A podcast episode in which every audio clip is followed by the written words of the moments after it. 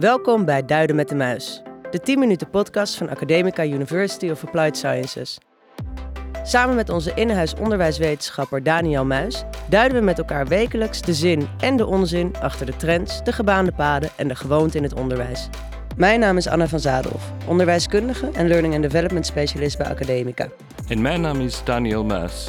Ik ben onderwijswetenschapper en dean van de School of Education and Society hier bij Academica. Welkom Daniel. Dankjewel. Hoe gaat het? Het gaat prima, ja, in deze donkere winterse tijden. Ja, mooi. Ik heb het licht nog niet gezien. Wij zijn inderdaad deze ochtend meteen de podcaststudio weer ingedoken. Ja. Wat is het onderwerp waar we het vandaag over gaan hebben? Vandaag gaan we het hebben over zelfregulering. En dat is best wel een breed onderwerp, dus ik zal proberen dat allemaal in onze tien minuutjes in te proppen. Daar ga ik je bij helpen. Het is best een onderwerp dat je vaker ziet opkomen op het moment. Zie ik dat goed? Ja, dat klopt. Zelfregulering is iets wat we bijvoorbeeld in de NPO-menukaart zien. En dat is ook een van de redenen waarom er veel aandacht voor is. Maar ook natuurlijk omdat iedereen beseft dat we uiteindelijk willen dat onze leerlingen hun eigen leren kunnen organiseren en dat op een effectieve wijze kunnen doen. Want natuurlijk op een bepaald ogenblik ga je de school uit, ga je levenslang moeten blijven leren. Dus ga je dat wel zelfstandig moeten kunnen aanpakken. Ja, zelfregulering is inderdaad op elke leeftijd belangrijk. Zeker. Kan je kort het concept uitleggen? Is het een onderwijsconcept? Is het een concept uit de psychologie meer? Dus het is een concept uit de psychologie. En in deze context gaat het specifiek over hoe we ons leren dus organiseren. Ja. En zelfregulering heeft eigenlijk drie componenten. Ten eerste is er wat we noemen onze cognitie. Dat is bijvoorbeeld de strategieën die we gebruiken om te leren of hoe dat we informatie verzamelen. Het tweede component dan is wat we noemen metacognitie. En zoals de naam meta zegt, gaat het eigenlijk over het nadenken over hoe we leren. Dus hoe plan ik een bepaalde leertaak? Hoe monitor ik of ik het inderdaad aan het leren ben? En hoe evalueer ik dan of mijn strategie eigenlijk goed was? En de derde component is motivatie. Leren vergt moeite en als het moeite vergt, moeten we ons voor motiveren. Dus ook daar moeten we aandacht aan schenken. Komt ook niet altijd vanzelf. Ja. Kan jij één strategie noemen dat als jij iets leert, welke jij het liefst toepast? Jazeker, en daar kan ik eigenlijk een beetje een illustratie aan geven van zowel uh, waarom dit belangrijk is, maar ook hoe we eigenlijk vaak onvoldoende metacognitief denken. Dus toen ik zelf student was, vele honderden jaren geleden, was mijn voornaamste studiestrategie gewoon de cursusteksten lezen. En ik las die veel keer en ik dacht, zo gaat dat goed in mijn geheugen blijven zitten. Ja. Nu weten we uit onderzoek dat dat eigenlijk een heel ineffectieve strategie is, omdat we dingen niet noodzakelijk goed onthouden, omdat we vaak overschatten hoe goed we dingen kennen als we dat op die manier doen. Dus wat ik nu zou aanraden is, in plaats daarvan, gebruik zelftoetsing. Dus toets regelmatig jezelf om te zien of dat je het inderdaad wel onthoudt, wel begrijpt en dergelijke meer. Maar als student kende ik die strategie helemaal niet. Dus kon ik dat ook niet metacognitief inplannen. Dus je moet strategieën wel eerst kennen en aanleren. Die komen niet vanzelf. Ja.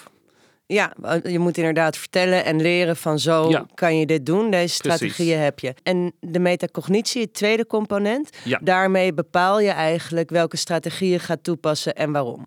Ja, dus uh, je begint met het plannen. Dus dan bepaal je welke strategie ik ga toepassen, maar ook andere dingen, bijvoorbeeld wanneer ga ik het doen, hoe lang gaat het duren. En ook daarin maken we vaak fouten. Dat komt ook niet vanzelf. Als je bijvoorbeeld terugdenkt aan je eigen studententijd, denk dat de meeste van jullie zich wel zullen kunnen herinneren dat die bepaalde examen waar je tot vier uur s ochtends zat te blokken, omdat je eigenlijk veel te laat was begonnen met studeren. Dat zie je dus. Ja. ja dat zie je dus heel vaak. Ja. Dus plannen van je tijd is ook belangrijk. En ook als je aan het leren bent, nagaan. Ben ik het inderdaad aan het onthouden of aan het begrijpen? Door bijvoorbeeld zelftoetsing te doen en uh, dan afrecht te zien: oké, was dit een succesvolle strategie? Moet ik het volgende keer anders doen? Ja, Dus evalueren ook Ja. en dan je strategie aanpassen. We hebben ook aan eh, onderwijsprofessionals gevraagd hoe het eigenlijk met hun zelfregulering zit. Dus voordat we gaan inzoomen op de leerlingen in de school, voegen we dat aan hen. Nou, de ene dag beter dan de ander, dat denk ik wel. Weet je, de ene dag denk je van, eh, jeetje, hoe gaat het, eh, hoe gaat het eh, me lukken? En de andere dag eh, sta je vol goede moed op. Dus ik denk wel dat ik eh, rond een 7 of een 8 zit. Nou, volgens mij lukt me dat wel aardig. Ik denk eh zeven of zo van acht, ja. Nou, ik denk dat ik mezelf redelijk eh, in, eh, in controle heb en eh, eh, niet meteen impulsief reageer. Dus ik denk dat ik daar redelijk bedachtzaam ben. Ja, ik ben wel erg van het plannen en het organiseren. En, dus ik geef het een acht. Ja. Nou, bijvoorbeeld, ik, doe, ik volg nu de opleiding, de schoolleidersopleiding volg ik nu. En eh, nou, naast een baan eh, als schoolleider en een jong gezin is het heel belangrijk dat je alles plant en organiseert. En eh, goed zelf reguleert. En ehm, dus ik, ja, ik werk heel erg met, met een, een planbord. wanneer doe ik wat? En dan werk ik ja, in mijn agenda. Dus op die manier maak ik er zelf ook heel veel gebruik van. Ik hoor eigenlijk hier verschillende dingen terugkomen. Ik hoor met name de laatste heel erg over planning spreken, wat jij ook als tweede component in metacognitie benoemde. Ja. Maar ik hoorde ook bedachtzaam en onder controle. Zijn dat eigenlijk ook componenten van die zelfregulering of niet per se?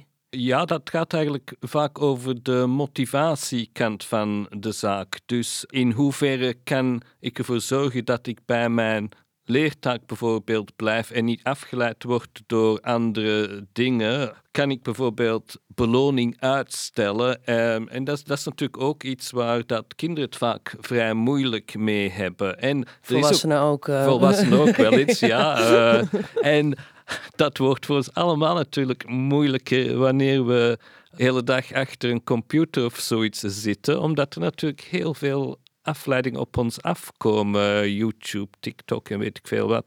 Denk je dat daarom zelfregulering ook meer aandacht krijgt dan wellicht een aantal jaar geleden? Of dat die aandacht groeit omdat er afleiding is? Ik denk dat een van de redenen inderdaad te zien is in de coronatijd, waarin dat we dus met de schoolsluitingen aan thuisonderwijs hebben Ja. moeten doen. En natuurlijk, terwijl we in de klas een redelijke controle hebben over onze omgeving, is dat thuis natuurlijk helemaal niet het geval. Dus de mogelijkheid om bijvoorbeeld afgeleid te worden is veel groter. De noodzaak om ook je eigen leren te reguleren wo- wordt dan ook groter. Dus ik denk dat dat daar ook wel iets mee te maken heeft. En motivatie? Motivatie vind ik de moeilijkste van de drie zaken om aan te leren. Daar moeten we natuurlijk wel mee bezig zijn. Er zijn daar verschillende elementen in. We kunnen onze leerlingen aanmoedigen om na te denken over hun leersituatie en hoe ze die kunnen veranderen. Dus bijvoorbeeld, hoe zorg ik ervoor dat ik thuis een rustige omgeving heb? Ga ik bijvoorbeeld mijn telefoon even uitzetten terwijl ik aan het leren ben, dat soort dingen. Ook technieken aanleren om om te gaan met impulsen. We hadden bijvoorbeeld in ons interview iemand die sprak over impulsief zijn. Dat kan ook een probleem zijn. Maar dingen als, oké, even aftellen van 100 voordat ik iets doe, even diep ademhalen, dat soort dingen wordt ook om onze impulsen te reguleren. Dus er zijn best wel strategieën die we daar ook bij kunnen aanleren. Ja. En op een schaal van 0 tot 10, hoe zit het met jouw eigen zelfregulering? Ha, eh, een van de dingen die je wel ziet is dat we in sommige domeinen betere zelfregulering hebben dan in andere. Ja. Ehm, ik zou zeggen, als ik een leertaak aan het doen ben in iets wat mij sterk motiveert, dan is, is denk ik een 8 of een 9. Maar als ik bijvoorbeeld moet leren hoe ik een plant moet onderhouden of een boom moet in leven houden of zoiets, dan is mijn zelfregulering vrij slecht. Dus misschien maar een 5 of zo. En dan zal ik proberen mijzelf andere taken te Ja. geven. Dus het hangt er wel vanaf. Dankjewel. Daniel, voor volgende week gaan we een, een vraag beantwoorden eigenlijk. Wat gaan we volgende week bekijken? In de vorige podcast hebben we al veel mensen eigenlijk horen spreken over EDI en het feit dat ze EDI gebruiken. Dus waar ik het eigenlijk volgende week over wil hebben is EDI wanneer wel en wanneer niet. Ik ben heel benieuwd.